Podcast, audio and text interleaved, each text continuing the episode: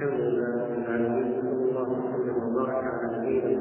على اله وصحبه فمن الايات المتعلقه باسباب الوجود في سوره المائده قول الله سبحانه وتعالى واذا سمعوا ما انزل إلى الرسول ترى اعينهم تفيض من الدمع مما عرفوا من الحق يقولون ربنا امنا فاكتبنا مع الشاهدين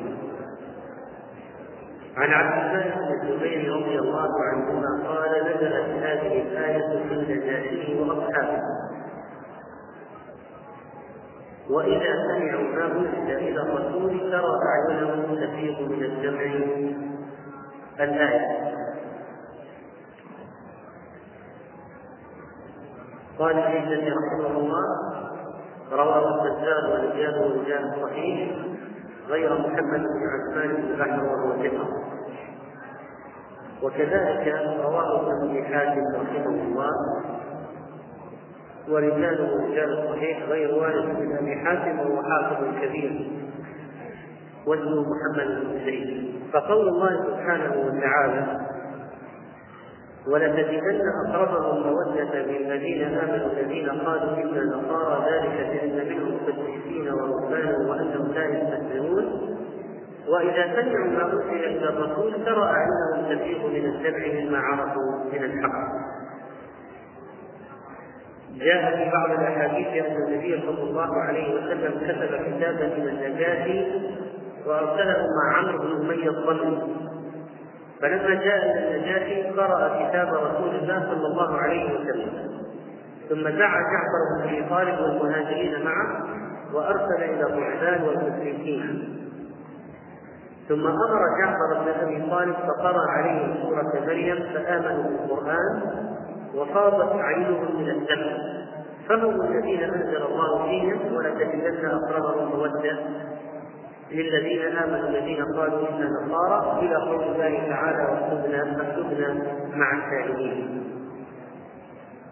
وكذلك روى النسائي رحمه الله عن عبد الله بن الزبير قال نزلت هذه الآية في النجاشي وأصحابه وقال ابن كثير رحمه الله في تفسير الآيات من سورة المائدة قال علي بن أبي طلحة عن ابن عباس نزلت هذه الآيات في النجاشي وأصحابه الذين حين تلا عليهم جعفر بن أبي طالب بالحبشه القرآن بكوا حتى اخضلوا لحاهم ولاحظ بعض العلماء أن هذا فيه نظر في أن الآية مدنية وقصة جعفر مع النجاشي كانت قبل الهجره ولكن قد صح السند كما تقدم عن عبد الله بن الزبير أن هذه الآية المقصود بها نزلت في النجاشي ومن معه ولا مانع أن يتأخر النازل عن السبب عن الحادثة. فقد تقع الحادثة وينزل القرآن بعد مدة فيها. ولا يشترط أن يكون النازل بعد الحادثة مباشرة ولكن في علم اسباب النزول عادة ما يكون النازل في نفس الحادثة التي حصلت ويكون أحيانا قول الصحابي هذه الآية نزلت في كذا هو كالتفسير وليس أنه يعلق على حادثة معينة ولكن يقول أن هذه الآية يدخل فيها فلان أو كذا وكذا ونحو ذلك فيكون بمثابه التفسير أو ذكر بعض الأمثلة لما قاله الله. وهذا الكلام فيه تبيين وإزالة لبس عن ما يتصوره كثير من الناس من من المراد بالآية. لأن لأنهم يقرؤون في الآية ولكن يجدن أقربهم مودة الذين قالوا للذين آمنوا والذين قالوا إنا نصارى ثم يقولون هؤلاء النصارى أعداء الإسلام. يذبحون المسلمين يشن عليهم الحملات الصليبية في القديم والحديث. ولا يزالون يتهمون المسلمين أشد العذاب فكيف يكون هؤلاء النصارى أقرب الناس مودة للذين آمنوا ونحن نرى توكيلهم وتعذيبهم للمسلمين؟ والجواب أن سبب النزول معرفة السبب تجعل فهم الآية يختلف عما إذا لم يعرف سبب النزول فمن المقصود إذا بهؤلاء النصارى الذين هم اقرب الناس مودة الذين آمنوا؟ الذين إذا سمعوا ما أنزل إلى الرسول اسلموا هؤلاء اقرب الناس مودة وليس الذين إذا سمعوا ما أنزل إلى الرسول كفروا به. وليس الذين يسلمون المسلمين سوء العذاب. وليس الذين يذبحون المسلمين. الذين قالوا إنا نصارى المتواضعين المخبتين الذين إذا سمعوا القرآن آمنوا وسلموا فهؤلاء أقرب الناس مودة الذين آمنوا. من أعظم الأمثلة على هؤلاء النجاشي فهذا رجل نصراني لكن لما سمع ما أنزل إلى الرسول هو والذين حوله من من القساوسة والرهبان بكوا. حتى سلم الحاوي وعرفوا أنه حق. وعرفوا أنه من عند الله قيل إنه أرسل وفد النبي عليه الصلاة والسلام سبع قساوسه الخمسه رهابين أنهم أعلنوا الإسلام. وقيل إن مهاجرة الحبشة لما قدموا إليهم أسلموا عندهم. قال قتادة في تفسير الآية هم قوم كانوا على دين عيسى بن مريم فلما رأوا المسلمين وسمعوا القرآن أسلموا ولم يتلعثموا أسلموا ولم يتلعثموا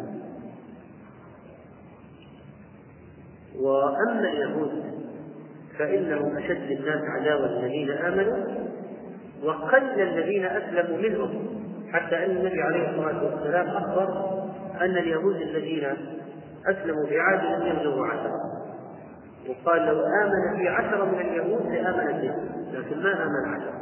ما وصلوا عشرة بل قد جاء في بعض بعض الآثار ما خلا يهودي بمسلم إلا حدث نفسه بقتله. إلا حدث نفسه بقتله. النصارى بقي فيهم بقية من الرأفة والرحمة والرهبانية في بعضهم. نوعيات معينة وليس كل النصارى. لأن بعض النصارى لا يقلون سوءا عن اليهود. لكن بعض النصارى وجد فيهم رأفة ورحمة ورفقة من مثال الأمر الأول الذي كان فيهم من الرهبانية الأولى وهم الذين يتمثلون مقولة إذا ضربك على خدك الأيمن فأجر له خدك الأيسر. وليس القتال مشروعا في ملتهم نوع معين من النصارى. لكن ليس هؤلاء النصارى اليوم الذين يقتلون المسلمين بالتأكيد كيف لا وهم يقاتلون ويحاربون وليس عندهم ابدا مبدا إذا ضربك على خدك الأيمن فاجر له خدك الأيمن. بل إذا ضربك على خدك الأيمن فاقتله. هكذا.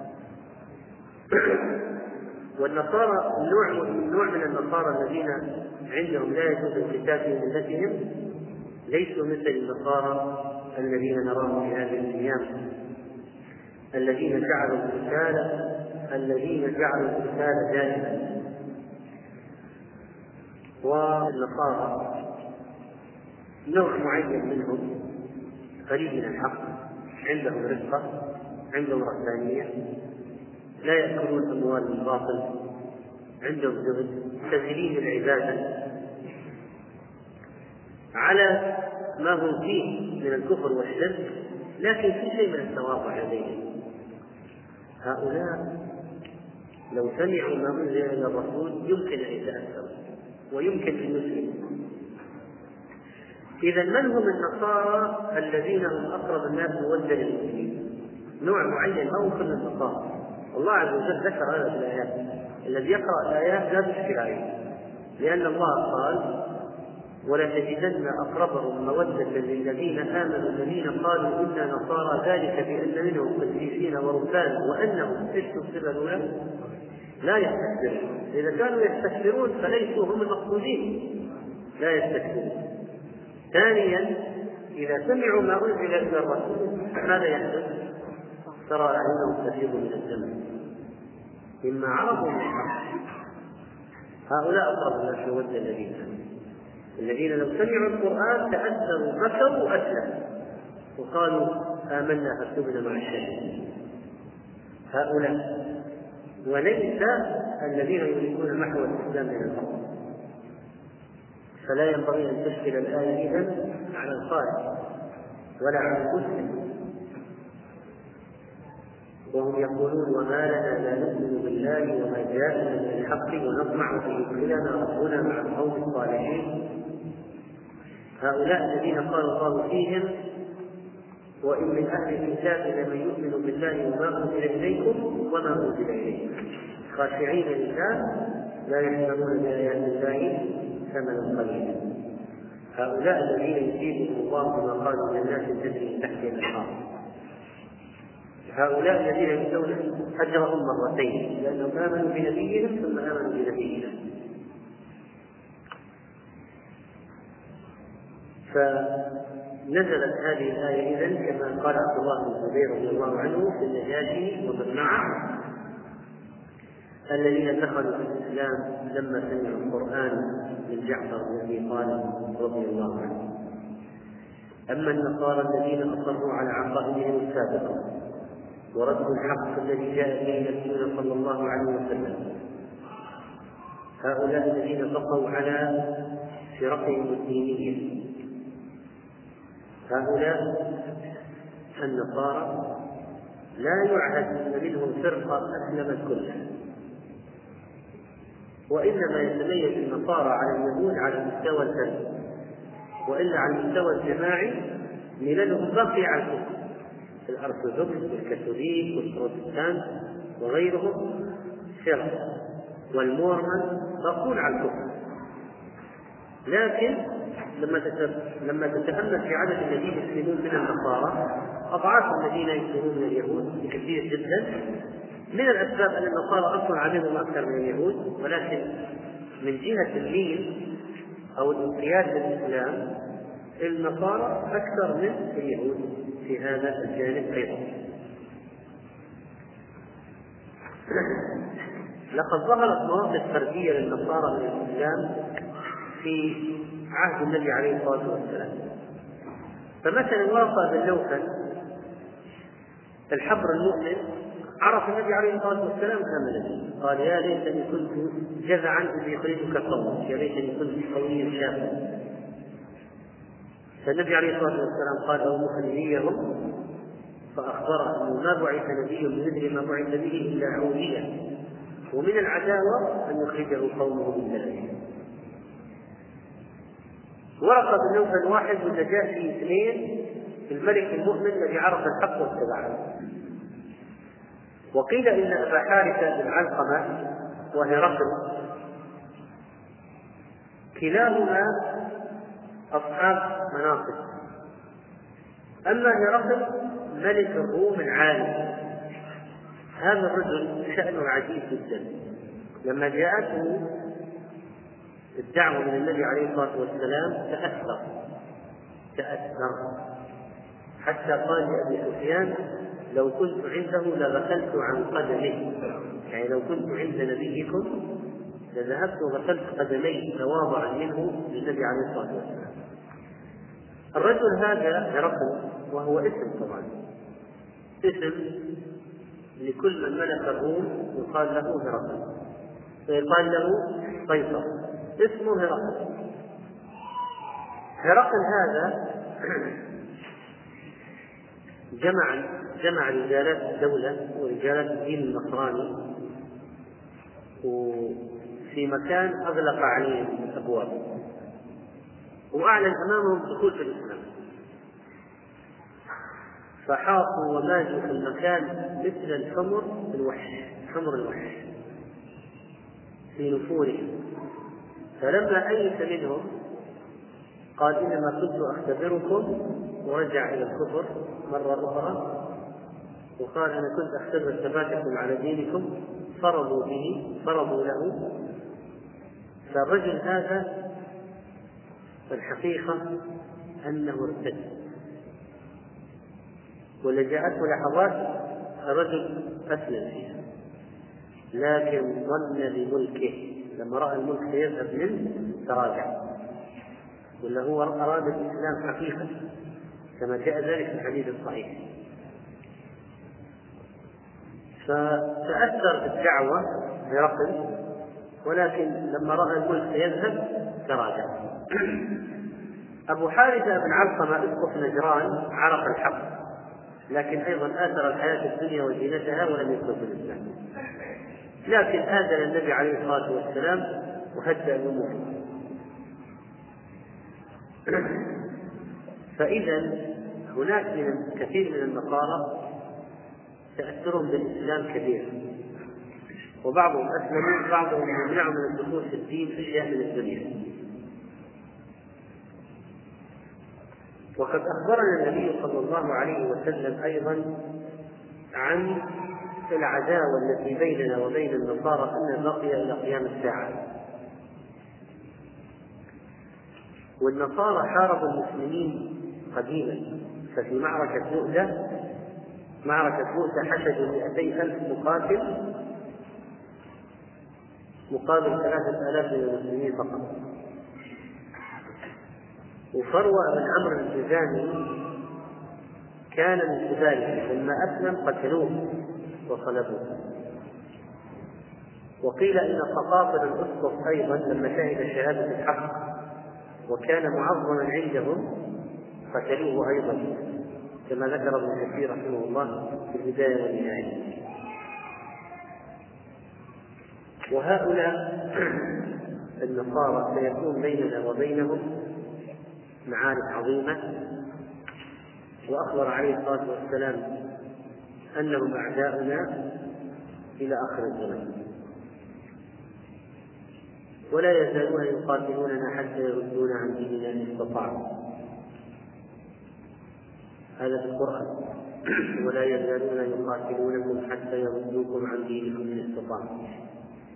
فالله أخبر أنهم سيبقون على قتالنا ولذلك صارت حملاتهم الصليبية المتتابعة الهمجية والوحشية. هؤلاء الذين أرسلوا إلى المشرق كما كما قالوا أرسلوا إلى المشرق بحملات متتابعة وجيوش جرارة بهوس وسعال وعصبية